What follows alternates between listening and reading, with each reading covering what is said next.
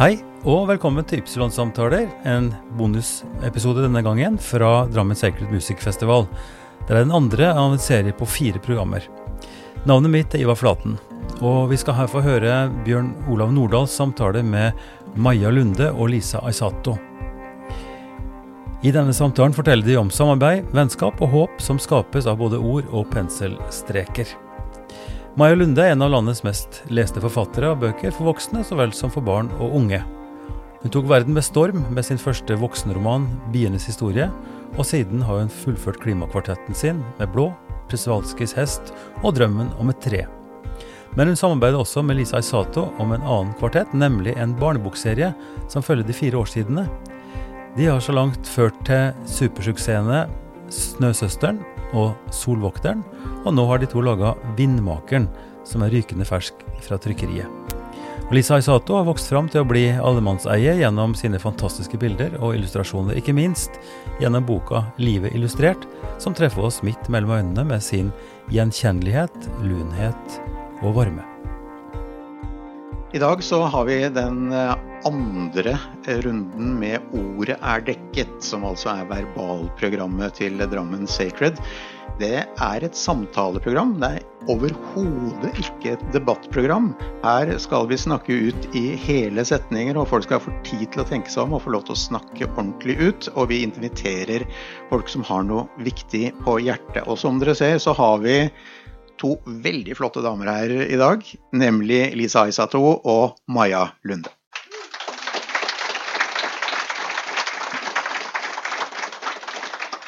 Vi skal begynne litt med deg, Maja. Og vi skal snakke først litt om forfatterskapet ditt og engasjementet ditt, ikke minst. Og særlig sett i lys av det som er festivalens motto i år, nemlig håp. Men aller først, Drammen er jo litt sånn din by, er det ikke det? Nei, jeg er jo egentlig drammenser, det. Nesten, i hvert fall. Begge foreldrene mine er fra Drammen. Mm -hmm. eh, pappa er sånn 18 generasjoner drammenser. Mm. Eh, og mamma var tilflytter som ungdom, og så traff de hverandre på videregående. Eh, og så flytta de til Oslo etter hvert, da. Så jeg er Oslo-jente. Men eh, barndommen for meg, det var å dra inn hit og møte med mormor og bestefar på Torvet. og eh, kjøre tøffetoget og spise is. Og mormor jobbet på Glassmagasinet, så hun sto mm. der med sånn blått forkle som de hadde på den tiden. Han mm. solgte nydelig porselen. Og bestefar var rådmann i Nedre Eiker. Ja, og så bodde er... de på Solbergmoen. Mm, ja, og så mm. nå er det faktisk blitt Drammen kommune. Ja. Så eh, du er Vi vil si at du er på hjemmebane på et vis, da. Ja, det vil jeg si. Eh, veldig hyggelig. Hva syns du om Drammen? da? Hvordan syns du byen har utvikla seg? Nå kan jeg jo ikke si noe stygt. Nei, du kan ikke det. Det er et veldig ledende spørsmål. Det var et veldig ledende spørsmål. Men vi sitter i hvert fall her på det flotte Drammensbiblioteket, og vi er veldig glad for at vi får lov til å være her. Så takk til Martin og co. som stiller huset til disposisjon. Og også til Ahmed som uh, følger opp teknisk og sørger for at dette kommer på lufta. Men altså, Maja, du har det er ikke så lenge siden du avslutta det som går under navnet Klimakvartetten, med boka 'Drømmen nummer tre', som eh, jo eh, ja, jeg, kan begynne med å sitere en som, som var her i går, nemlig Moddi. Eh, og han sa dere må spørre Maja om det er noe håp. Og hvorfor i all verden skriver hun sånne dystopiske bøker når hun har tre barn? Hva er det som skjer? Ja, er det, er det noe håp å skue der etter at du har dratt oss igjennom elendigheten? Nei, altså det jeg skjønte da jeg jobbet med den siste romanen, var at eh, jeg har egentlig nå skrevet 1850 sider som en slags jakt på håp. Ja. Eh, så hele den kvartetten er egentlig det. Eh, og det jeg leter eh, Jeg leter jo etter håpet i oss, da. Mm. Håpet i mennesket. Håpet i de egenskapene vi har. Mm. Og jeg tror bare det er der vi kan lete. Har vi det i oss? Eller vi er jo blitt den arten som på en måte har endret verden fullstendig. Ingen andre arter som har gjort det. Og har vi det i oss? Ja, Hva er det vi skal ha i oss, da? Å få retta opp disse feilene. Mm. Og tenke langt nok. Eh, og gjøre verden litt bedre for de som kommer etter oss. Eh, for vår egen fremtid òg, for dette er jo faktisk klimaendringer. er jo ikke Det er jo ikke bare noe som ligger foran oss. Men det du, er jo her. Litt bedre, det er vel et slags understatement, fordi eh, det, er, eh, det brenner jo ganske mange røde lys. Og hvis man da tar rapporten fra FNs klimapanel litt nærmere i øyensyn, så det er ikke bare litt vi må gjøre. Nei, og det er jo lett å bli litt uh, Å miste håpet for tiden. Uh, men uh, ja, det er vel derfor jeg også hele tiden leter, da. Eh, og jeg tror vi på en måte må se på de egenskapene vi har. Vi er jo utrolig løsningsorienterte, vi er mennesker. Eh, vi er eh, Vi har en sånn enorm evne til å ta vare på hverandre, da. Altså kjærlighet og empati, da. Det høres jo ut som en floskel, men, men jeg, for meg ligger det noe der. Um, og så er det jo Jeg tenkte særlig på dette da jeg skrev den tredje romanen, 'Persvalskis hest'. Den handler jo om hvordan eh, noen få ildsjeler har klart å redde en hesterase. Eh, og reintrodusere den til opprinnelseslandet Mongolia. Eh, og denne arten de, den er helt, helt unik. og man, mange tror at det er den opprinnelige urhesten, den alle andre hester stammer fra. På et tidspunkt så fantes det bare noen veldig få hester i hele verden, og så klarte man fra bare 13 individer å gjenreise hele arten. Og For meg er det en håpsfortelling. Det tok ganske lang tid før jeg skjønte hvorfor jeg ble så trukket mot akkurat den fortellingen. Eh, men, men, det er jo fordi den sier noe om hva vi mennesker er i stand til. Da. Det er ingen andre arter på kloden som, som kan redde andre arter bare av ren da, empati. da.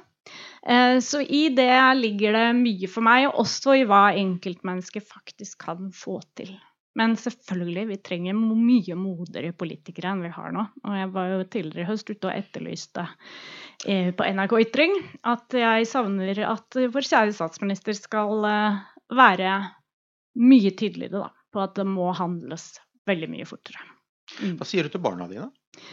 Det var tre eh, stykker, og ja, nei, jeg... eldstemann har akkurat flytta ut. Hva tar han med seg i bagasjen hjemmefra? Han, vi snakker jo mye om disse tingene, men de har en sånn um, De går heldigvis ikke og graver seg ned i dette, og det tror jeg nok også er fordi vi snakker om løsninger. Uh, og fordi det, jeg, jeg, har på en måte gitt dem ett råd i livet, da.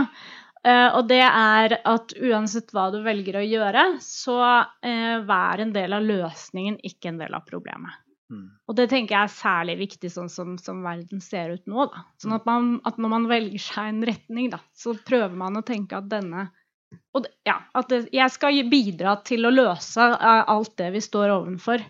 Um, og uh, det kan man jo gjøre på ulikt vis, også gjennom kunst og kultur. Um, uh, men um, jeg tror at det å Altså, vi må snakke om Det ligger veldig mye håp i hva vi selv kan gjøre også. Ikke sant? Det kjenner jeg på. Jeg kan kjenne på frustrasjon og eh, fremtidsredsel. Eh, men i det øyeblikket jeg faktisk bretter opp ermene og prøver å gjøre noe med det, da, om det er å skrive en kronikk eller ha en dialog med andre mennesker som er engasjert i det samme, og se på kan vi få til noe sammen, eh, så hjelper det. Sånn at man bør delta i han, disse endringshandlingene. Ikke bare fordi at eh, vi vet at endring er summen av veldig mange små valg, men også fordi det faktisk hjelper oss selv. Mm. Men du, altså, når du har hatt en 18-19-åring i huset, og du har jo to yngre barn et, etter, eller som hadde fått etter han også, eh, så møter du Jeg vil tippe at det er, liksom, det er, litt sånn trafikk i huset med ungdommer ut og inn og, og sånn. Opplever du at den generasjonen har en eller annen sånn om ikke anklage, så i hvert fall se litt undrende på oss som har gått foran og stelt i stand dette? Fått, har du liksom fått, hva er det dere holder på med, liksom? Ja, ja, det sier de jo. Altså, hva er det, hva er det Ja. Mm. Kan dere ikke bare ta dere sammen? Mm. Jeg skulle møte forrige klima- og miljøminister i Dagsnytt 18-studio for noen år tilbake i 2018. Og så spurte jeg han mellomste hva du skal, hva skal jeg si til han? Hva, hva vil du at jeg skal ta med? Nei, han får stramme, jeg må si til han at han må, må stramme seg opp. Stra det var... ja. Gjorde, sa du det? Så det var vel beskjeden til alle voksne. Vi må stramme oss opp. Ja, ja. ja jeg tror faktisk det ble, det ble sagt, ja. Mm. men, men, det er jo lett uh, for oss som har på en måte henda fulle av det meste, å tenke at ja, nå, nå, må vi begynne å gjøre noe. Og så sitter det to tredjedeler av verden og ikke har det samme som oss. Og som kikker oppover, nordover, vestover og tenker mm, de har det fint, sånn skulle jeg gjerne hatt det også. Og da er jo spørsmålet hva er det vi skal, hvordan, hvordan skal vi møte det? Eh, når, eh, når, det vil føre til økt forbruk, økt utslipp, eh, økt, altså det kommer til å sprenge klodens tålegrense. Og så kan vi jo skjønne at de vil ha det, de også. Ja, det er et, det er et, et, et kjempevanskelig spørsmål. Eh, som jeg har til gode å se ordentlig gode svar på. Men det vi vet, er at høyere utdanningsnivå, og særlig utdanning for jenter, eh, er eh, en viktig del av løsningen. Eh, sånn at eh, det er ikke nødvendigvis eh, gitt at det vil føre til de utfordringene vi står overfor nå. Da. Og så er det jo noe med å se på hva forbruk er, ikke sant. Og kan man få til økt ja, altså vekst i økonomi med sirkulær økonomi, f.eks., for, eksempel, for en del av disse landene. Uh, og så er det jo alltid Det er jo det som er så utfordrende i denne debatten også, og som også kan være grunnen til at man blir så motløs, er at det er så mange sånne store, vanskelige spørsmål, det er så store problemer, at man tenker liksom det spiller ingen rolle hva jeg gjør. Eh, men det er den farligste tanken, da. Uh, jeg vet ikke om dere har hørt om Det er en polfarer polfarerhistoriker uh, som heter Robert Swan, og han sa um, den største trusselen mot fremtiden er troen på at noen andre skal redde den, da. og det tenker jeg er veldig riktig. vi må gjøre noe alle mann. og vi kan ikke alltid tenke at det finnes et større problem, eller hvorfor skal jeg når Kina, som jo er et, vel, et argument som veldig mange liker å dra fram i Norge eh, Hvorfor skal Norge nå i Kina? Eh, men hvis alle tenker sånn, så skjer det ingenting. Eh, og så tenker jeg at Vi må heller se på de mulighetene vi har i Norge. Da. Vi er i en ganske unik posisjon med en utrolig god økonomi, eh, som vi har tjent på olje og gass. Eh, og vi er eh, ganske sånn fristilt fordi vi ikke er EU-medlemmer. Eh, så kan vi gjøre noen flere grep enn EU. Vi kan ligge foran EU på en del ting. Eh, ikke på alt, for vi er også ganske regulert av dem, men på en del. Eh, sånn at vi også, vi, vi har noen muligheter da, til å gå foran og være litt sånn eh, være, Ha en grønn ledertrøye og, og, være i stedet for å liksom dilte etter. Og det skulle jeg nok ønske vi gjorde. Og for meg hadde det gitt håp også. For det eksempelets makt er ekstremt viktig. Men eh, forfatter Maja Lunde hjemme hos seg sjøl, da, hva gjør hun? Nei, jeg gjør jo de tingene man, eh, man eh, skal prøve på, da. Eh, og så er jeg sånn der type spise lite kjøtt og fly lite og avstå fra så jeg forsøker så godt jeg kan, men jeg syns også det er kjempevanskelig. Mm. Jeg skulle jo, skulle jo, ønske at noen også holdt meg i øra, fordi når du står der og bare Å, det var litt fristende. Mm. Eh, så er, jeg var jo også bare et menneske. Mm. mm. Ja, du er det, ja. ja, ja. men, men, hvordan gikk det med kjøkkenhagen i år, da? Nei, den har klart seg fint, den, altså. Det var jo mye regn, eh, så det var den jo glad for. Eh, og de har tolv pallekarmer. Så nå går jeg ut og plukker gulrøtter til middag. Og, ja. Mm. Så li, litt, litt uh, selv, Hva heter det? Sjølhusholdning? Ja. ja. Det er fint, det. Sjølberging. Sjølberging. Koser ja. meg veldig når jeg graver i jorda. Mm, mm. Det gjør jeg. Mm. Men du, etter at du har eh, skrevet denne klimakvartetten, så, så Jeg siterer her. Maja Lunde er norsk litteraturs største eksportvare og bransjens viktigste kort på bokmessen i Frankfurt. Eh, det høres jo ut som eh, du har en talerstol gjennom den suksessen du har hatt. Du har også skaffet deg sikkert ganske bra med ressurser. Hva tenker du om din egen forvaltning av både posisjon og ressurser? Eh, jeg har et ganske bevisst forhold til hva jeg sier, ja.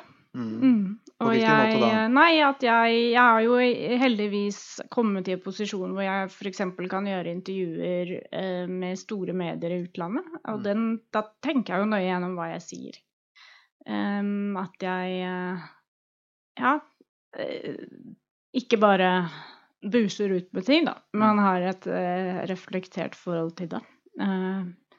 og det er jo et ekstremt privilegium som jeg er veldig glad for. Å få muligheten til å kunne eh, påvirke bitte litt, da. Mm. Du beskriver at mm. bøkene dine har en slags dobbeltverdi. Det er den dobbeltverdien av disse bøkene, at jeg får lov til å sette agenda. Ja. Eh, og det gir jo makt på et vis, da. Eh, og da skal man forvalte den vakta med en kløkt. Eh, hvem sparer du med for å få de beste rådene? Nei, det er litt varierende. Eh, jeg har noen gode eh, Jeg har jo folk på forlaget, selvfølgelig.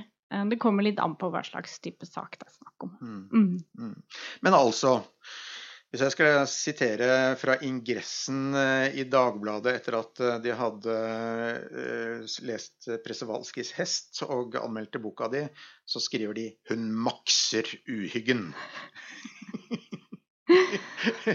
Eh, hvordan Altså Og det er jo noe med det der. Altså mm. uh, Uhygge, skremsel, dystopi, undergangstemaer osv. osv. Jeg bruker jo egentlig ikke sånne ord i det Nei, hele tatt. Ja, men andre opplever ja, det sånn, ikke sant? Og så tenker jeg at det er så mange lesninger, da. Nå er det jo sånn at to tredjedeler av både Blå Persjevalskijs hest og uh, Bienes historie foregår jo i fortid og nåtid. Mm. Eh, og de av dere som har lest noe av meg, vet jo at jeg skriver egentlig veldig mye om relasjoner. Mm. Eh, så jeg tenker at du kan jo like gjerne kalle disse Det er bøker om relasjonen mellom natur og menneske, men det er jo i høyeste grad bøker om relasjonen mellom mennesker. Og kanskje særlig mellom foreldre og barn, da. Jeg vil si at det med eh, barn og barndom er jo noe som, som jeg alltid kommer tilbake til. Alle bøkene mine handler på en eller annen måte om barn og barndom. Eh, og derfor også jeg skriver disse andre Altså jeg skriver for barn, ikke sant? Eller jeg skriver allbøker, da, som det er det som Lisa og jeg lager. Hvorfor er det sånn? Hvorfor kommer barndommen hele tiden tilbake? Nei, det vet jeg ikke. Men for meg, jeg vet ikke, det er jo en interessant del av livet. Eh, og det er noe så utrolig sårbart over barndom. Eh, og vi har et så stort ansvar da, for unger. Eh, eh, så jeg tror det, det, ligger noe der, da. Og så tror jeg jeg syns at den, den, relasjonen mellom foreldre og barn er så interessant fordi at um, barn utvikler seg hele tiden. Eh, og vi som voksne er det jo ganske sånn på samme plass. Mens eh, barn endrer seg hele tiden, og så må vi prøve å endre oss med dem. Det kan være ganske krevende. Det vet alle som har barn, eller har foreldre, for den saks skyld. Hva er det viktigste du har lært av dine egne barn, da? Nei, det er vanskelig å liksom si én en enkelt ting. Mm. Uh, det syns jeg er uh, Ja.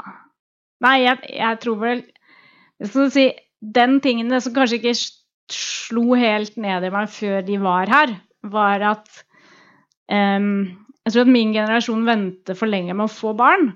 Og det er problematisk eh, av ulike årsaker. Men eh, det vi heller ikke har skjønt, det er at de der ungene som kommer, de er jo de kuleste folka du har møtt. Eh, også veldig irriterende og slitsomme alt det der, mm. som barn kan være. Men de er faktisk de kuleste folka jeg vet om, og derfor er det jo noe med å få ha dem så lenge som mulig i livet sitt. da. Så det er også en grunn til å ikke vente til man er 35 liksom, med å få, få unger. Mm. mm. Men altså, litt tilbake til det som måtte ha blitt et slags varemerke, nemlig at du er veldig opptatt av klima, miljø, tilstanden på kloden.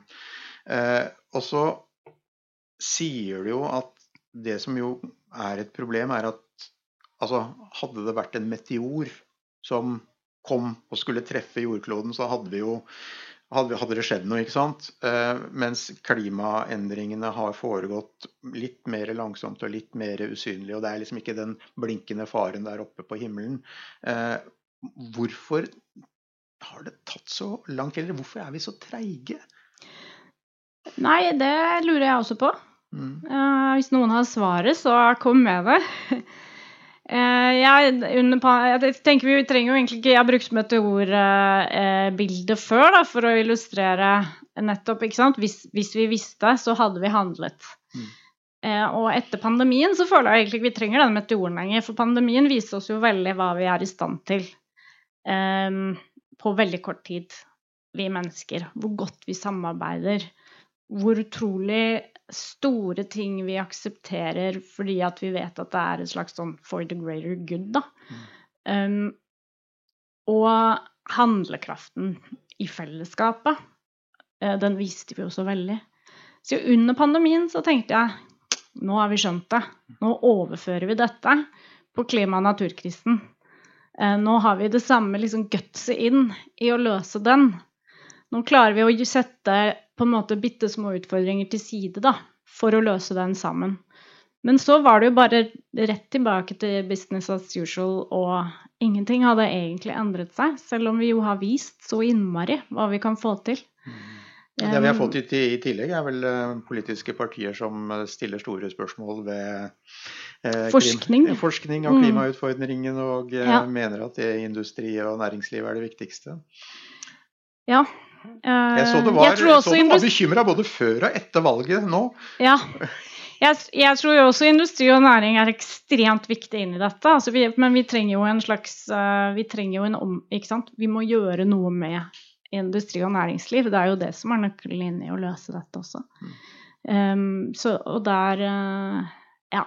Men uh, det fins jo mange gode forslag. Uh, men jeg tror vi snakker Det vi også snakker for lite om, da, det er påkjenningene våre ved å leve med å gå rundt og kjenne på litt sånn um, Hva skal vi si? Fremtidsredsel, fremtidsbekymring. Altså, Det er en påkjenning, den snakker vi for lite om. Det er veldig veldig mange av oss som går rundt og kjenner på den uroen. da. Og i stedet så snakker vi bare om på en måte praktikaliteter knyttet rundt til en parkeringsplass som forsvinner, eller noe som egentlig i den store sammenhengen er veldig smått. Så jeg også tenker at, Og det er jo der litteratur kan um, bidra da, til å på en måte løfte det emosjonelle perspektivet. Uh, og det er det mange lesere som også kommer og takker meg for. At de føler at bøkene og romanene på en eller annen måte speiler dem. da. Mm. Mm. Og speiler, speiler, det emosjonelle. fordi det er ganske det, det, er, altså Verden har endret seg innmari siden vi, altså jeg var ung på 1990-tallet. Hvor man hadde mer en mer sånn Jeg tenker så heldig jeg var som vokste opp i en tid hvor verden liksom var Hvor fremtiden var lys, da. Mm. Enklere, kanskje? Mye enklere enn det ungene våre erfarer nå. Kanskje de er litt smartere enn oss også? Ja, det får vi håpe. Eh, bare sånn eh, helt til slutt, før vi skal vri litt på samtalen. Eh, denne pandemien den uh, traff deg som en knyttneve i magen. Du fikk jo rett og slett skrivesperre av den når du skulle skrive den siste. Veldig vanskelig å skrive fiksjon når man følte at man var i en slags fiksjonsfortelling mm. selv. Mm. Så det tok litt tid for å liksom komme i gang ja, med drømmen nummer tre. Fordi... Jeg gjorde det ble utsettelse på både den og Vindmakeren pga. pandemien, faktisk. Jo, jo, men det, ja. hva, hva, var det som, hva var det som satte seg i magen da, liksom? Nei, det var eh, den opplevelsen Altså disse eh, litt sånn sjokkartede dagene i mars 2020. Eh, da eh, Hvor jeg rett og slett, som jeg tror mange opplevde, at man følte at man var med på en slags fiksjonsfortelling. Eh, og var røsket liksom helt ut av hverdagslivet. Og den erkjennelsen av en sånn at vi er en del av en slags global sårbarhet, da at vi også er sårbare. At vi også kan av, rammes av noe stort som skjer, som skjer, der ute. At det kan treffe oss i Norge, da. Det tror jeg veldig mange eh, ikke hadde reflektert over. Jeg tror det var at, at, det for mange flere enn meg da, opplevdes som et sjokk. Eh, det gjorde det i hvert fall for meg.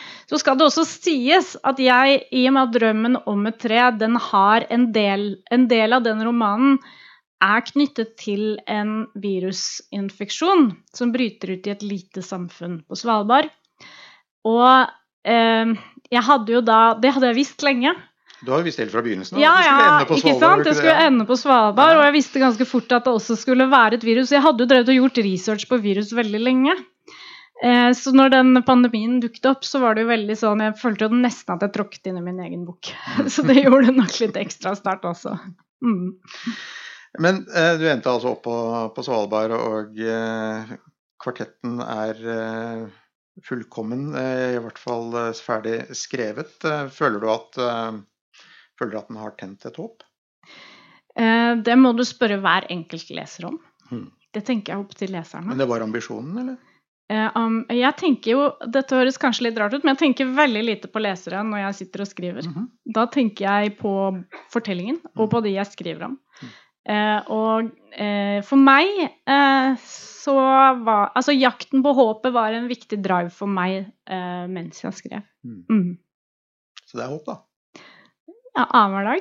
Annenhver dag. Den andre som sitter her, er Lisa Aisato. Og eh, hvis dere har sett eh, på skjermen bak her, så er det en av eh, tegningene, illustrasjonene, som du har laget. Du valgte den ut fordi den kom som en liten oppfordring fra meg. Jeg ble veldig forelska i det bildet der, fordi vi skulle jo snakke litt om hva som er håp i bildene dine. Ja. Fortell litt om det bildet der. Hvordan kom det til? Det kom til eh, gjennom en bok jeg lagde med Linn Skåber, egentlig. Mm. Eh, hvor hun hadde noen sånne sitater som forskjellige eldre mennesker hadde sagt. Det er den siste boka vår som, hvor hun intervjua forskjellige mennesker sånn, fra 60 til 90. Eller til 100, faktisk. Mm. Eh, og da var et sitat noe om at eh, lær deg å elske regnet, for du får ikke 365 solskinnsdager. Mm. Så da lagde jeg det bildet, da. Ja. Så det er, et, det er, et, håpefullt bilde, kan du si. Veldig. Jeg blir jo nesten litt forelska i den dama på bildet. Det ja, det er koselig. Hun er søt, hun altså. Men du, eh, hvis jeg nå tar denne boka her, som er yeah. 'Vindmakeren', den nye mm. boka som dere lagde, så går jeg mm. bort til deg, og så åpner jeg den, og så sier jeg Lisa, kan ikke du skrive en hilsen til meg? Skriv noe innsiktsfullt og klokt, og eh, sånn at jeg får med meg en sånn veldig, eh, veldig fin hilsen ifra deg. Hva tenker mm. du da? Nei, Det syns jeg alltid er veldig vanskelig. Hvorfor Men Jeg har jo jeg har skrevet en eh, bok som heter 'Livet illustrert', så da får du heller kjøpe den, da, og så lære noe om livet. så jeg pleier bare å skrive 'varm hilsen fra Lisa Aisato'. Pleier ikke å skrive så mye annet. Nei, fordi folk tenker jo når de ser, eh, ser illustrasjonene dine at eh, å, dette er en klok og følsom og innsiktsfull dame. Så ser jeg et intervju du har gitt han. Nei, men jeg er jo ikke så klok. Hva er det du mener med det? Nei, jeg mener at jeg, jeg, er, jeg, er ganske god på å visualisere følelser og stemninger og visualisere en tekst og um, sånne type ting. Men jeg er ikke nødvendigvis uh, noe mer følsom eller noe mer klok enn eh, andre menn og kvinner i gata, liksom. Jeg ser et sitat her. Jeg, jeg, sitter ikke og føler og føler, det er et håndverk, det jeg driver med. ja, det var din måte å liksom, Du la veldig sånn vekt på ja nei, ja nei, det er et håndverk, ja. Absolutt. Og jeg blir veldig analytisk når jeg sitter og jobber. Ja. Eh, men samtidig så så er det nok en del ting som skjer litt sånn ubevisst, da. Datteren min sitter av og til hos meg når jeg jobber, og så sa hun en gang Hvorfor sitter du sånn og gliser når du tegner? Og det var fordi jeg satt og tegna en som smilte. Mm. Så det er nok jeg, jeg, føler nok også noe av det jeg skaper, på en måte. Eh, men det er ikke alltid jeg tar det med meg etterpå. Driver du og kommuniserer men, eh, med tegningene eller illustrasjonene dine, eller? Å snakke med dem, mener du? Liksom? Nei, det, det, gjør jeg nok ikke. Men jeg sitter, hvis jeg sitter med et ansikt og skal prøve å, å tegne en litt vanskelig følelse, f.eks. sjalusi eller mistenksomhet, eller en sånn type ting, sitter jeg jo og holder på med altså øyenbryn millimeter opp, millimeter ned. Den der lille um, altså muskelen vi har som kan gjøre at vi kan knipe litt opp og litt ned. Jeg sitter og holder på sånn, da. Mm. Så hvis det er å kommunisere med en tegning, så kanskje det er det jeg gjør, da. Og ja. se hva skjer med et ansikt hvis man tar munnviken bitte litt opp eller bitte litt ned. Altså sånne type ting. Det syns jeg er Det er kanskje det gøyeste jeg vet, da. Mm. Men, men så, så, sitter det ikke du altså, Vi tenker å, der sitter Lisa med blyant og, og tegnesaker og maling og alt mulig sånt noe. Men du sitter med en uh, elektronisk sak, du gjør ikke det? Ja, jeg sitter med en skjerm, en stor skjerm, og sitter jeg med et tegnebrett. Mm. Så jeg mhm. ser opp mens jeg tegner hele mhm. dagen, egentlig. Mm. Ja, så det er sånn jeg jobber. En sånn uh, digital blyant mm. som du sitter og, ja. og, tegner med? Men så må jeg også lage en del ting faktisk fysisk, da. Mm. Så da sitter jeg og klipper og limmer og holder på med en slags sånn kollasjteknikk, på en måte. da. Mm. Men Jeg har lyst til å begynne litt på begynnelsen, for det er bare én historie jeg er nødt for å, å, å, ja. å, snakke med deg om. Fordi faren din er fra Gambia. Ja. Eh, og så har jeg lest den historien som, som, jeg ikke vet om er sann eller ikke, om du vet er sann eller ikke. Men altså, historien om at han var en sjømann som hoppa av båten sin i Sverige fordi han hadde drømt om natta. Kan ikke du ja. Hva var det som skjedde der, egentlig? Nei, altså Pappa fortalte denne historien da jeg var liten, og så tenker jeg at jeg vil egentlig ikke gå etter i sømmene og se om den faktisk er sann. For jeg syns ja, den, er litt fin. fin. Ja, ja Så jeg vil liksom bare leve i det at det var sånn det var. Ja, men hvordan var han, det? Nei, altså Han var jo en ung gutt på 17-18 år som bodde i Gambia. og strevde veldig med å finne noe arbeid. Og så ble han sjømann. Og så er han veldig overtroisk. Eh, så etter hvert når han har reist rundt med den båten en stund, så lå den eh, like ved Sverige, og så drømte han at båten kom til å gå ned. Og da kom han seg i land i Sverige og turte ikke å gå om bord i båten igjen. Og så gikk båten ned, da, vet du. Ja, det var liksom det som er historien. Og så hørte han da fra noen gambiske kompiser i Sverige at det var mer jobb å få i Norge. Så dro han til Norge, og så tok han trikken. Og da møtte han en veldig pen dame med langt brunt hår, og hun ble moren min. Mm. Ja. Så det er historien om pappa. Ja. mm.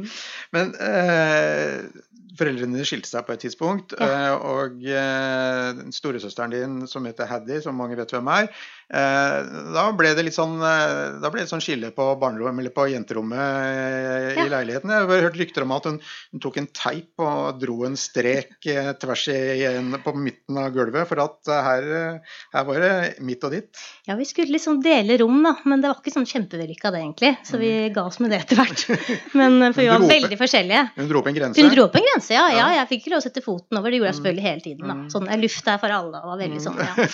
Nei, vi var veldig ulike. eh, Og jeg var veldig sånn eh, håpefull, da. Mm. Happy go lucky, positiv person. Eh, Mens hun var litt dystrere, så vi var veldig ulike. Mm. Ingvild Risøy, som har skrevet om deg i Dagens Næringsliv, og som er jo en, en forfatter som vi kjenner begge to, Ja. eh, hun karakteriserer deg som en fornøyd innegris. Ja, det var en veldig fin eh, karakteristikk. Ja, fornøyd innegris er veldig bra.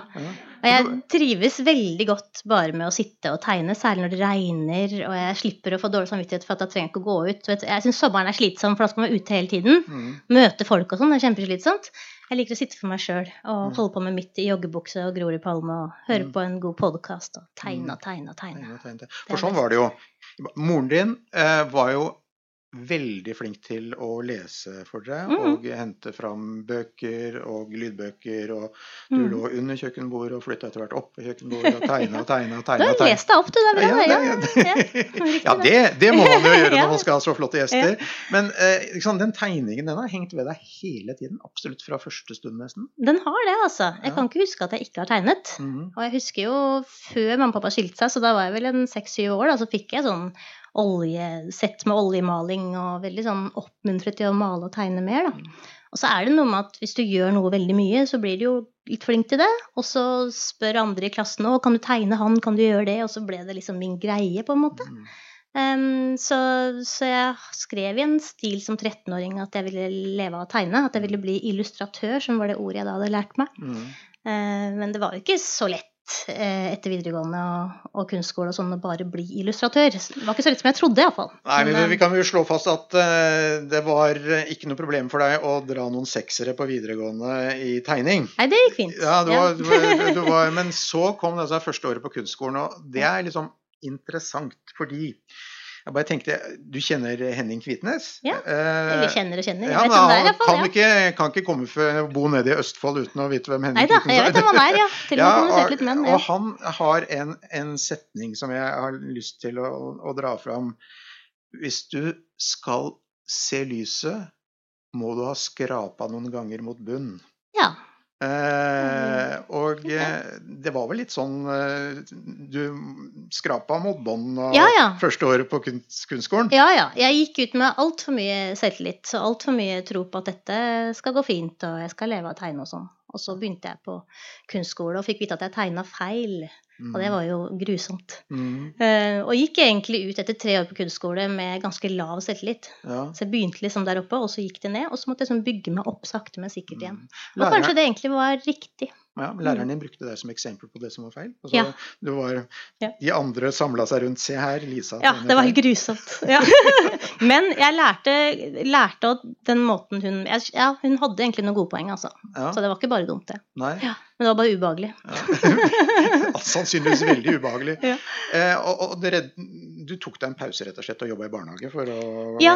finne ut av hva Det var midt i kunstskoletida. Da hadde jeg ett år på kunstskole, og så ble jeg fullstendig motløs Mm. og jobbet ett år i barnehage. Det var egentlig utrolig fint. mm. Leste masse for barna, tegna masse med ungene, fikk tilbake liksom den litt sånn gnisten, da. Mm. Og så tok jeg to år til på kunstskole. Mm. Jeg har også jobba et år i barn. Har du det? Ja, så bra! Da har vi det begge to. Ja. Det er fint. Nei, og så dukker det opp en fyr som heter Einar, da. Ja. Uh, og Det var ikke så dumt. Nei, det var, nei, han var nesten litt for pen, har jeg skjønt. Ja, jeg syns han var irriterende kjekk. Jeg hadde uh, sånn greie med at jeg ikke skulle forelska kjekke gutter, for de var så fulle av seg sjøl. De skulle helst være litt tjukke og litt stygge, for da hadde de litt mer å by på, tenkte jeg.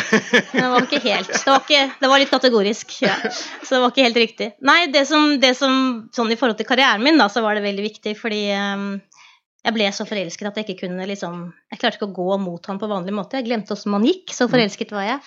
Og da måtte jeg jo lage en liten bok til han. Mm, Så da på- skrev jeg en ja. bok som het 'Til min elskede', da. ja, og den ble overlevert på Cuba av alle steder, var det ikke det? Jo, det var Ja. der jeg lagde den til han. Ja. Så, eller jeg lagde den, og så ga jeg til han på Cuba. Og så fridde han, og så ble det god stemning.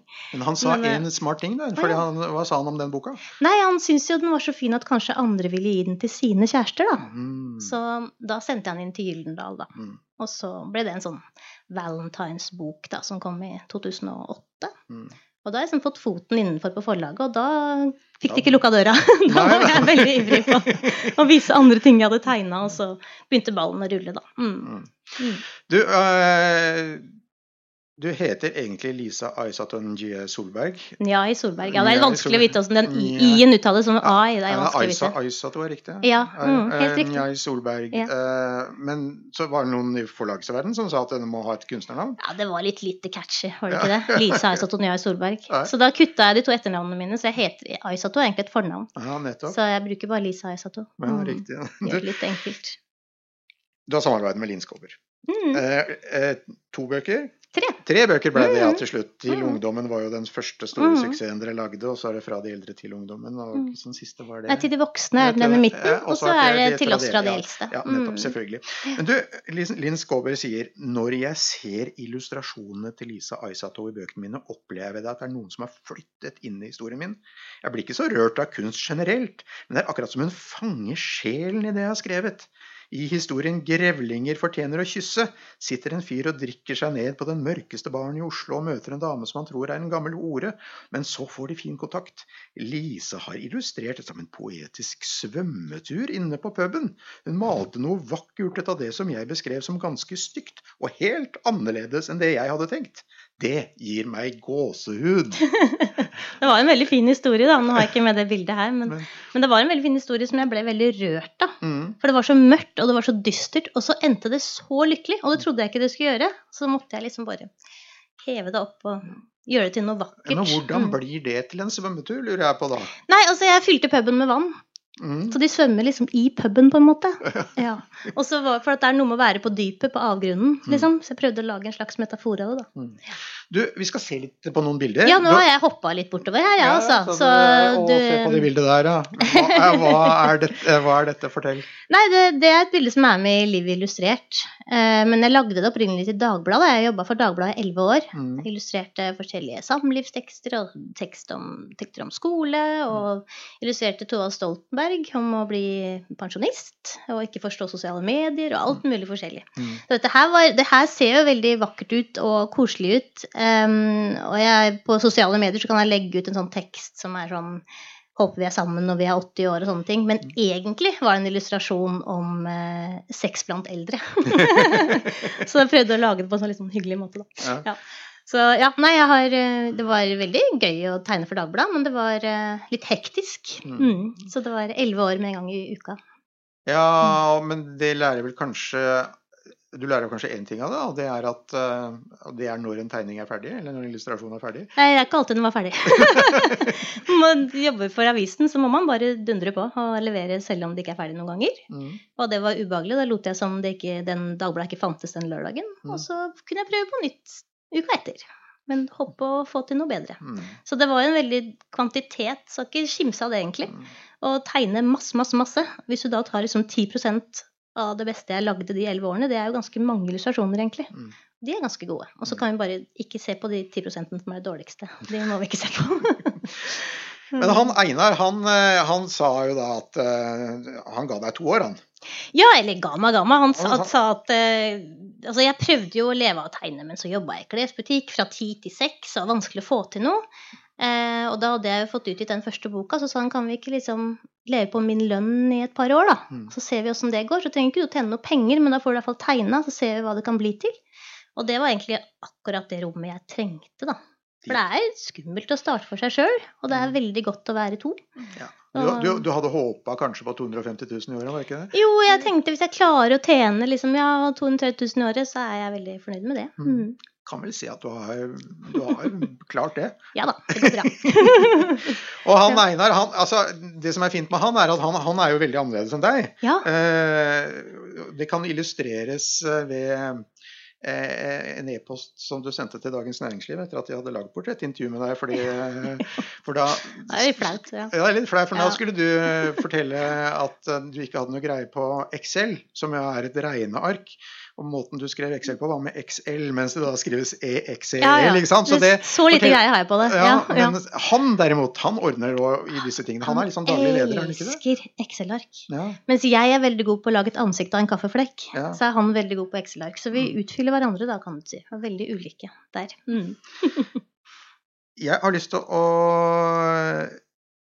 diskutere et lite begrep der som heter pareidoli. Ok, hva er det? Nei, det er noen mennesker som har en sånn egen evne til å Akkurat det du nevner der, nemlig en kaffeflekk.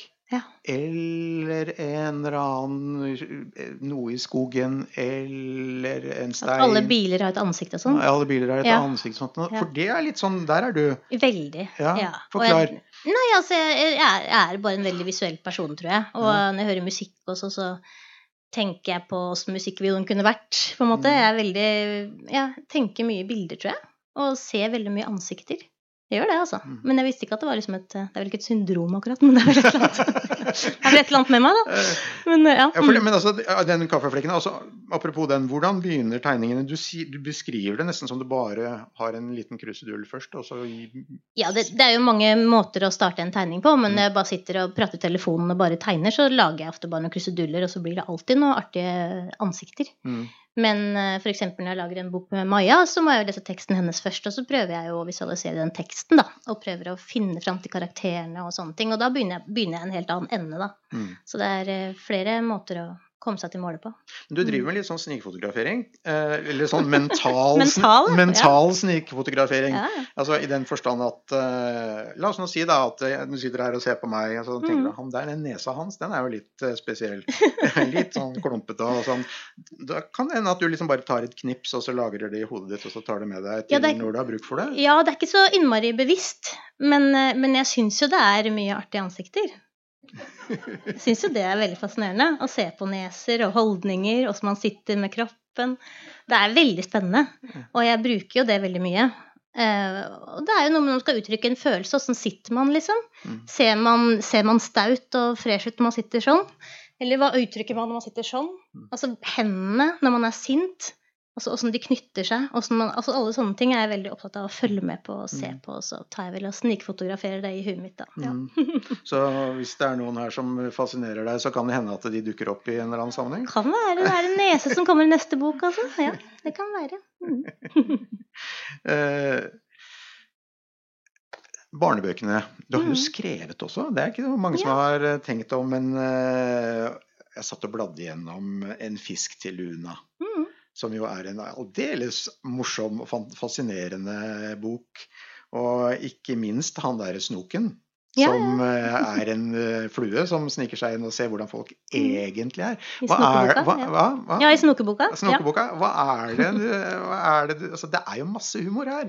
Og hvordan tenker du at du kan bruke humor når du henvender deg til barn?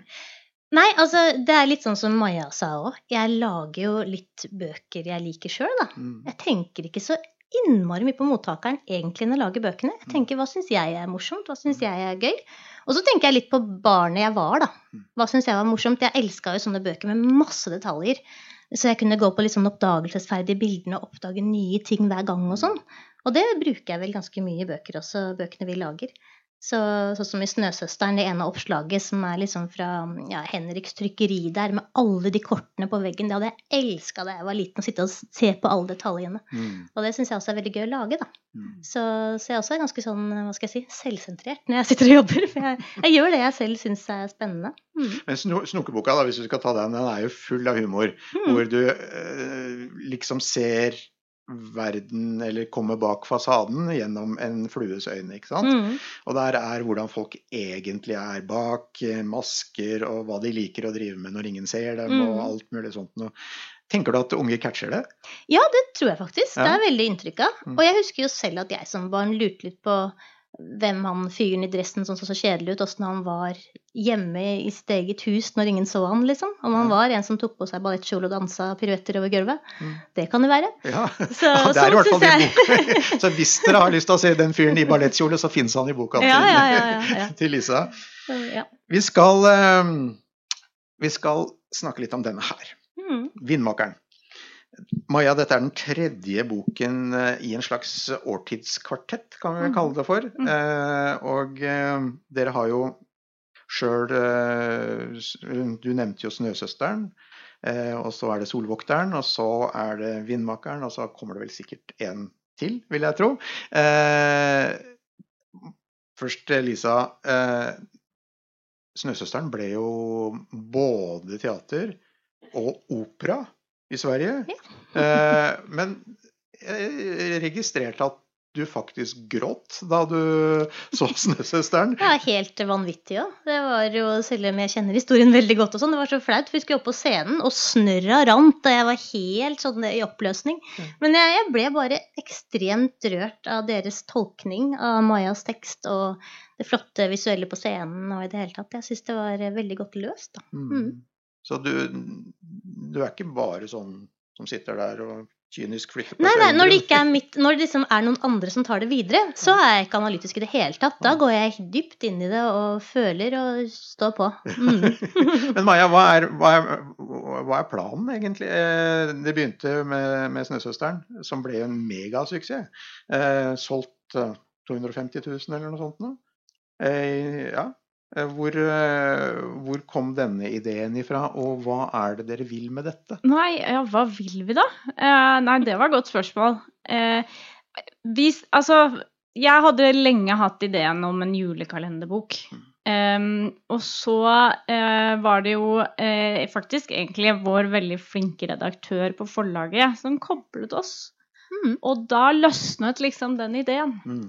Um, og så skjønte jeg jo Jeg husker at jeg til og med ringte eh, Ringte eh, ja, vi skulle bare ja, Jeg bare klikker gjennom, jeg. Bare prat. Ja, Hvis du kommer med bilder, skjønner ikke hvorfor den kom nå. Bare prat, du, Marte. Ja. Så klikker jeg meg fram. Jeg ringte redaktøren og sa at jeg hadde skjønt at Jeg tror ikke den der juleboken som Lisa og jeg skal lage, blir så kommersiell som dere har drømt om, for jeg har skjønt at den kommer til å handle om døden.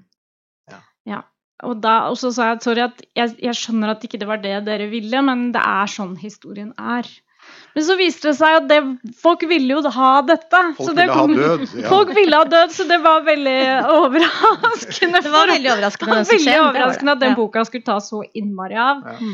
Eh, men allerede da vi jobbet med den, så merket jo jeg at det her samarbeidet var litt utover det vanlige bra for meg. Og, jeg, for meg ja, ja. Eh, at vi hadde så utrolig god kommunikasjon og så utrolig felles referanser mm. og ganske lik bakgrunn. Mm. Og at dette var liksom bare det var så godt sted å være, da. Mm.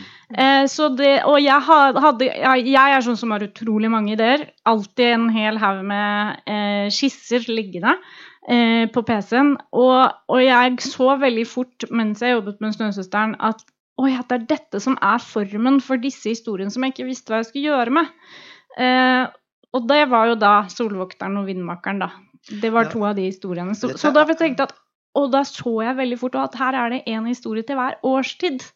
Så da ble det en vårbok, og nå en sommerbok. Og så er planen en høstbok også. Ja, det vil jeg tro. Mm. Men uh, dette er jo til dels traumatiserte barn vi snakker om. Altså folk, jo, jo, men hallo, det, det er en storesøster som er død, det er uh, en familietragedie, den siste vindmakeren her. Uh, og dette går du inn i og tenker at barna har godt av?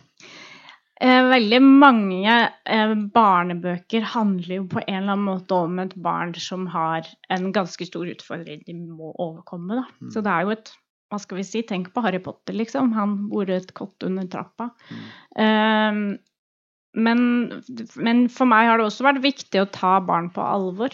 Um, og, og, det å snakke om død med barn, da som, som vi, man Altså, det var veldig, veldig mange. Og fremdeles, siden den boka er jo solgt i 31 språk, så er det hver jul er det ganske mange som tar kontakt med oss. Veldig og mye. Ja. ja mm. Og takker oss fordi at de har funnet en måte å snakke med ungene sine om døden på. Og da er det kanskje fordi de har døden i, i nær Altså at de har hatt tett på, da.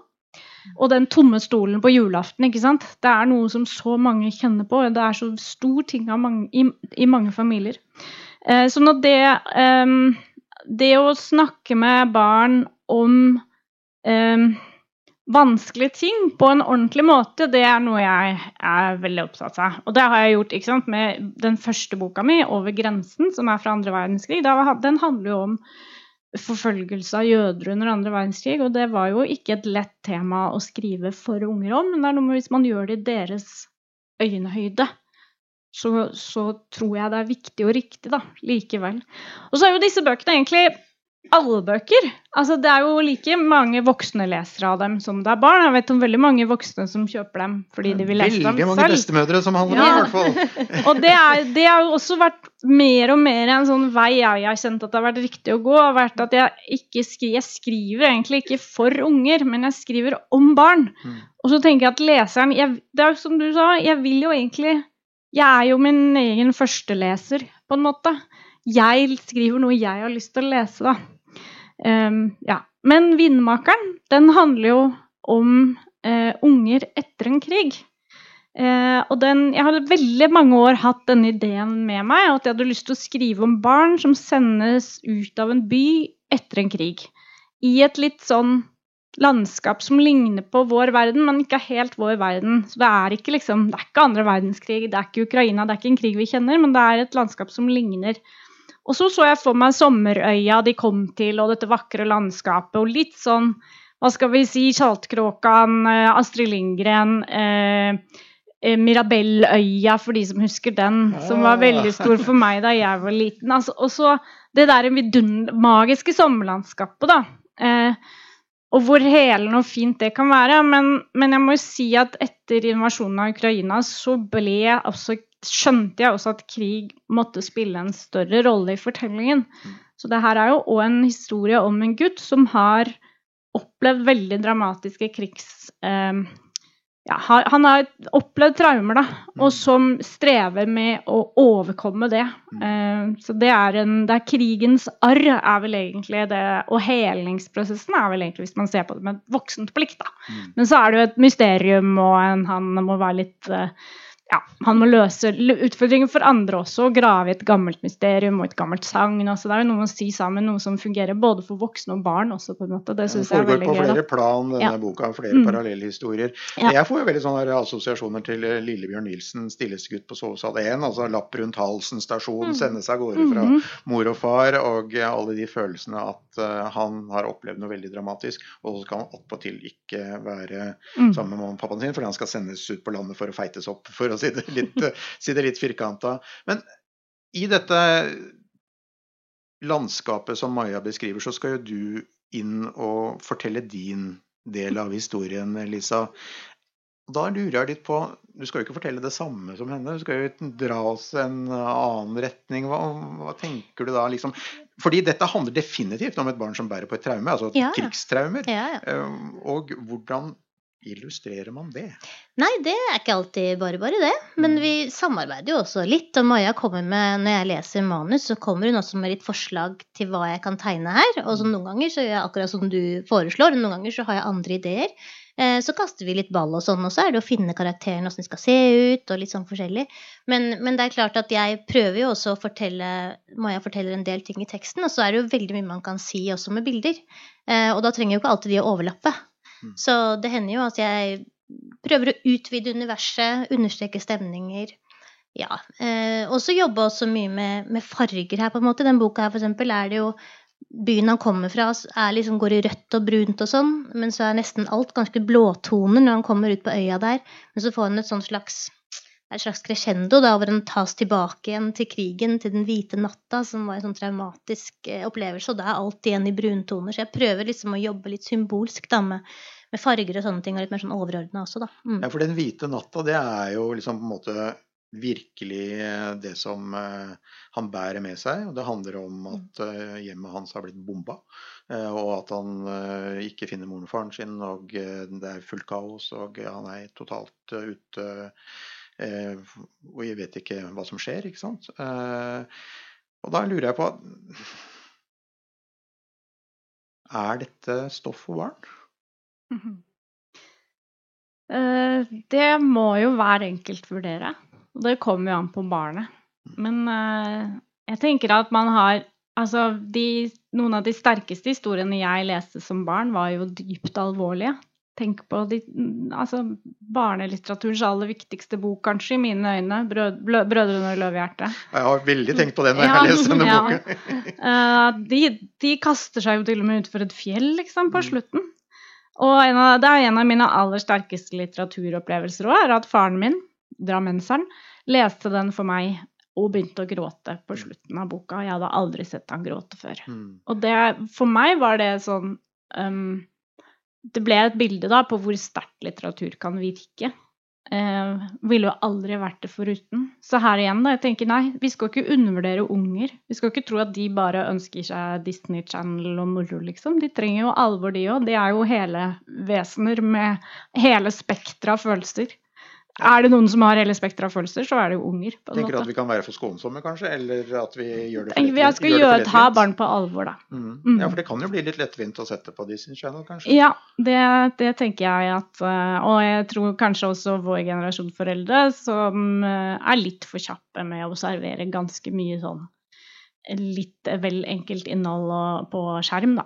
Eh, så er det noe som er viktig, det vet vi òg, at foreldre leser mindre for barna sine enn de gjorde før det å lese ordentlige ting for ungene sine er utrolig viktig. Mm. Så kan man også si er det noe for barn med krig og død? Det er jo barn som opplever krig og, krig og mm. død. Og det er jo også en del av vår verden og av livet sjøl, liksom. Ja. Og nå, um, ja, det sitter jo så mange unger i norske klasserom som har opplevd krig, ikke sant. For man kunne fortelle historier som handler om dem, da. På en måte som barn kan forstå. Mm. Ja, Betyr det at uh, du kan være litt brutal i tegningene dine også? Ja, absolutt. Mm. Det kan nok være. Hvordan virker det? Nei, sånn som i det bildet her, da. Jeg prøvde i denne boka her å tenke litt på hvordan man kan visualisere det man bærer med seg, da. Her tenker han tilbake til uh, lekebutikken som ikke fins lenger. Um, så det er også noe jeg har jobbet med denne boka her, kanskje mer enn i de andre bøkene. Og, og ja, mer symbolikk, kanskje. Eh, det bildet i stad hvor han, han er litt på gråten, men klarer akkurat å holde gråten inne, hvor dyna på en måte blir en bølge altså av gråt, da, på en måte. Så Nei, det, det er jo bare å prøve å fortelle på litt ulike måter, da. Um, det vi bærer med oss. Du har overgått deg selv da, i denne boka. det er så mye fint. Fordi dette er også en bok som handler om kreativitetens helende kraft. Mm. Store ord her, altså. Men det er faktisk det. Og hvordan kreativitet og lek kan redde oss, da. Mm. Um, og historier kan redde oss. Og det som er så fint, er jo at Lisa har da eh, brukt så mange kreative grep da, for å fortelle om følelseslivet til, til hovedpersonene. Mm. Eh, som nettopp bølger, da, og som da lekebutikken, som dere så. Veldig mange sånne ulike som ikke det har vært så mye av i de forrige bøkene. Så det syns jeg har vært skikkelig, har vært skikkelig skikkelig gøy. Alltid helt fantastisk gøy å få de mappene med illustrasjoner på, når de kommer på e-post. Mm. Men denne gangen er det bare sånn wow, så ja, det, kult! Det, det ikke, du forkaster ingenting, altså? Er, nei, blir dere aldri uenige? Vi, vi, kan diskutere ting, eh, selvfølgelig, og noen ganger kanskje jeg misforstår noe, eller sånne type ting. Eller må jeg si 'Å, jeg har sett for meg litt eldre', eller liksom sånne type ting. Men vi har vel aldri liksom Du har aldri sagt 'Nei, Lisa, nå er du ute og sykler'. Det har du ikke sagt noen gang. Men det er motsatt av sånn... teksten, da mener du noe om teksten? Ja, av og til så har jeg tanker om teksten, og Maja spør hva syns du om dette, hva tenker du om den løsningen, og så snakker vi litt om det og sånn. Mm. Men det er definitivt Maja som skriver historien, eh, og jeg som tegner, men vi kaster jo litt mm. ball underveis. Ja, ja, Absolutt, ja altså. er det en jeg hører på når det gjelder teksten, så er det jo Lisa. Mm. Jeg hører jo mer på deg, egentlig. Enn på, reda ja. på redaktøren. det er koselig. Ja. Er dere blitt venner gjennom disse prosessene? Ja, det vil jeg si vi er blitt. Vi kjente deg, kjenner hverandre ganske godt, egentlig. Familien er litt venner òg. Ja, ja. Det er litt koselig. Du, eh, det må jo si at vi, min mann heter jo Steinar, så det er jo veldig gøy med Einar og Steinar. Einar og Steinar, da, vet du. Ja, det er hyggelig.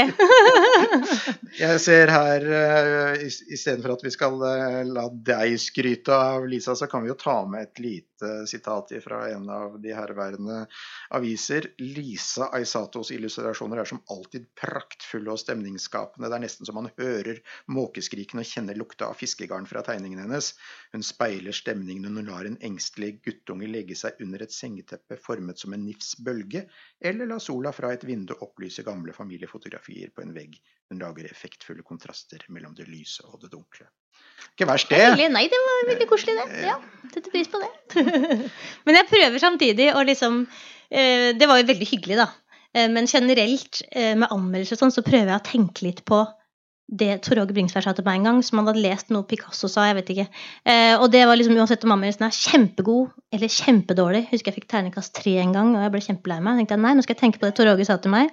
Vær fuglen, og så er de fuglekikkerne. Så du holder på med dine ting, du kvitrer og flyr og holder på med ditt, og så kan de bare kikke og mene hva de vil. Mm. Så det er liksom, men det var veldig hyggelig, det. Det var ikke sånn ment. Altså. Kjempekoselig, tar det med meg, men jeg prøver å ikke la det påvirke meg så mye, da. Det betyr mer for meg med de e-postene jeg får fra familier som sier at bøkene samler dem, eller forteller at den boka gjorde at vi endelig kunne prate om eh, bestefars død, eller den type ting. Det betyr mye mer for meg enn hva anmelderne mener. Ja, for det er interessant, fordi disse temaene som dere løfter fram, da, altså søsken som er død, mm. eh, jula som blir borte, den tomme stolen, i dette tilfellet krigstraumer av det ganske brutale slaget, som jo har kommet veldig tett på oss i form av at vi har krig i Europa. Det at det kan føre til en, hva skal jeg si, en mer åpen samtale om disse tingene, får dere tilbakemeldinger på det? Ja, absolutt. Mm. Hvordan da? Nei, det er jo nettopp sånn veldig mange skriftlige tilbakemeldinger, da. På, på eh, ja, Snøsøsteren spesielt. Særlig fordi det er mange som leser den igjen ofte før jul. Mm. Um, og ja, min erfaring også er jo med den Altså nå er jo denne akkurat kommet ut, men jeg har jo skrevet da 'Over grensen' før, som også handler om barn og krig. Og den har jo vært en, hatt jo en sånn utrolig langt liv i norske klasserom. Hvor den har blitt brukt som en inngang til å snakke nettopp om krig og barn. Da. Veldig, veldig, så jeg har fått utrolig mange brev fra klasser. og ja, Veldig rørende og fint. Da. Mm. Mm. Det er en høstbok som mangler, da? Ja, det er det. Eh, og det, er jo, det må jo bli enda mer død og elendighet. Du kan, kan ikke skjønne annet. Det ender alltid bra, da. Ja, det ja. gjør for så vidt ja. det. det er, eh, her, blir, her, blir, man jo eh, her blir, her blir jo alle venner. Er det, det, er vel en slags kontrakt uh, du inngår med leseren når du skriver en barnebok? Akkurat der føler jeg, når man skriver barnebøker, det må gå bra til slutt, altså. Ja. ja. Mm, Særlig når man skal dykke ned i såpass mye ja, mørke skal... som vi mm. gjør i bøkene våre, ja. så er det fint at det blir litt ålreit på slutten. Ja. Og det er jo det som, ikke sant, det, er jo det, det husker jeg jo, vi hadde litt sånn kontrakt fra et av våre aller første møter var den derre Vi skal ikke være redd for inderlighet. Mm. Vi skal ikke være redde for å gå liksom ordentlig inn i det. Mm. Eh, og, vi, og, og, nettopp det med å For å kjenne på det store lyset, så må du også inn i det dype mørket. Mm. Og sånn at jeg tror vi kontraster Det er mye alvor og mørke, men det er også da da kan du også bli det lyset på slutten enda mm. tydeligere. Da. Ja, og så skal man se lyset, om man har skrapa noen ganger mot noen, Ja. Som, uh, ja, vi om. der. Ja, ja, ja. Og der ligger vel håpet, ja. får vi tro. Mm. Tusen takk for en veldig hyggelig prat, og takk for at du hadde med bilder du, eller illustrasjoner som du delte med oss, Lisa. Og takk for uh, viktige og håpefulle tanker. Tusen takk til dere som har fulgt oss på nettet. Tusen takk til dere som kom. I morgen så er det en ny utgave av Ordet er dekket. Da kommer Petter Uteligger, mannen som har oppsøkt de som det øyensynlig ikke er noe håp for, men som det definitivt er mange håpefulle historier å hente ut av. Og I tillegg så kommer Strømsgodsets nye trener Jørgen Isnes, som vet hva det vil si å snakke om håp når du ligger under 3-0 etter første omgang. Eh, så her tror jeg det blir nye muligheter til fine refleksjoner, og med folk som har tenkt litt, og som skal få lov til å snakke ut. Det er altså i morgen, samme sted, samme tid, her på Drammensbiblioteket. Takk for at dere kom i kveld, og gi en varm applaus til disse flotte damene.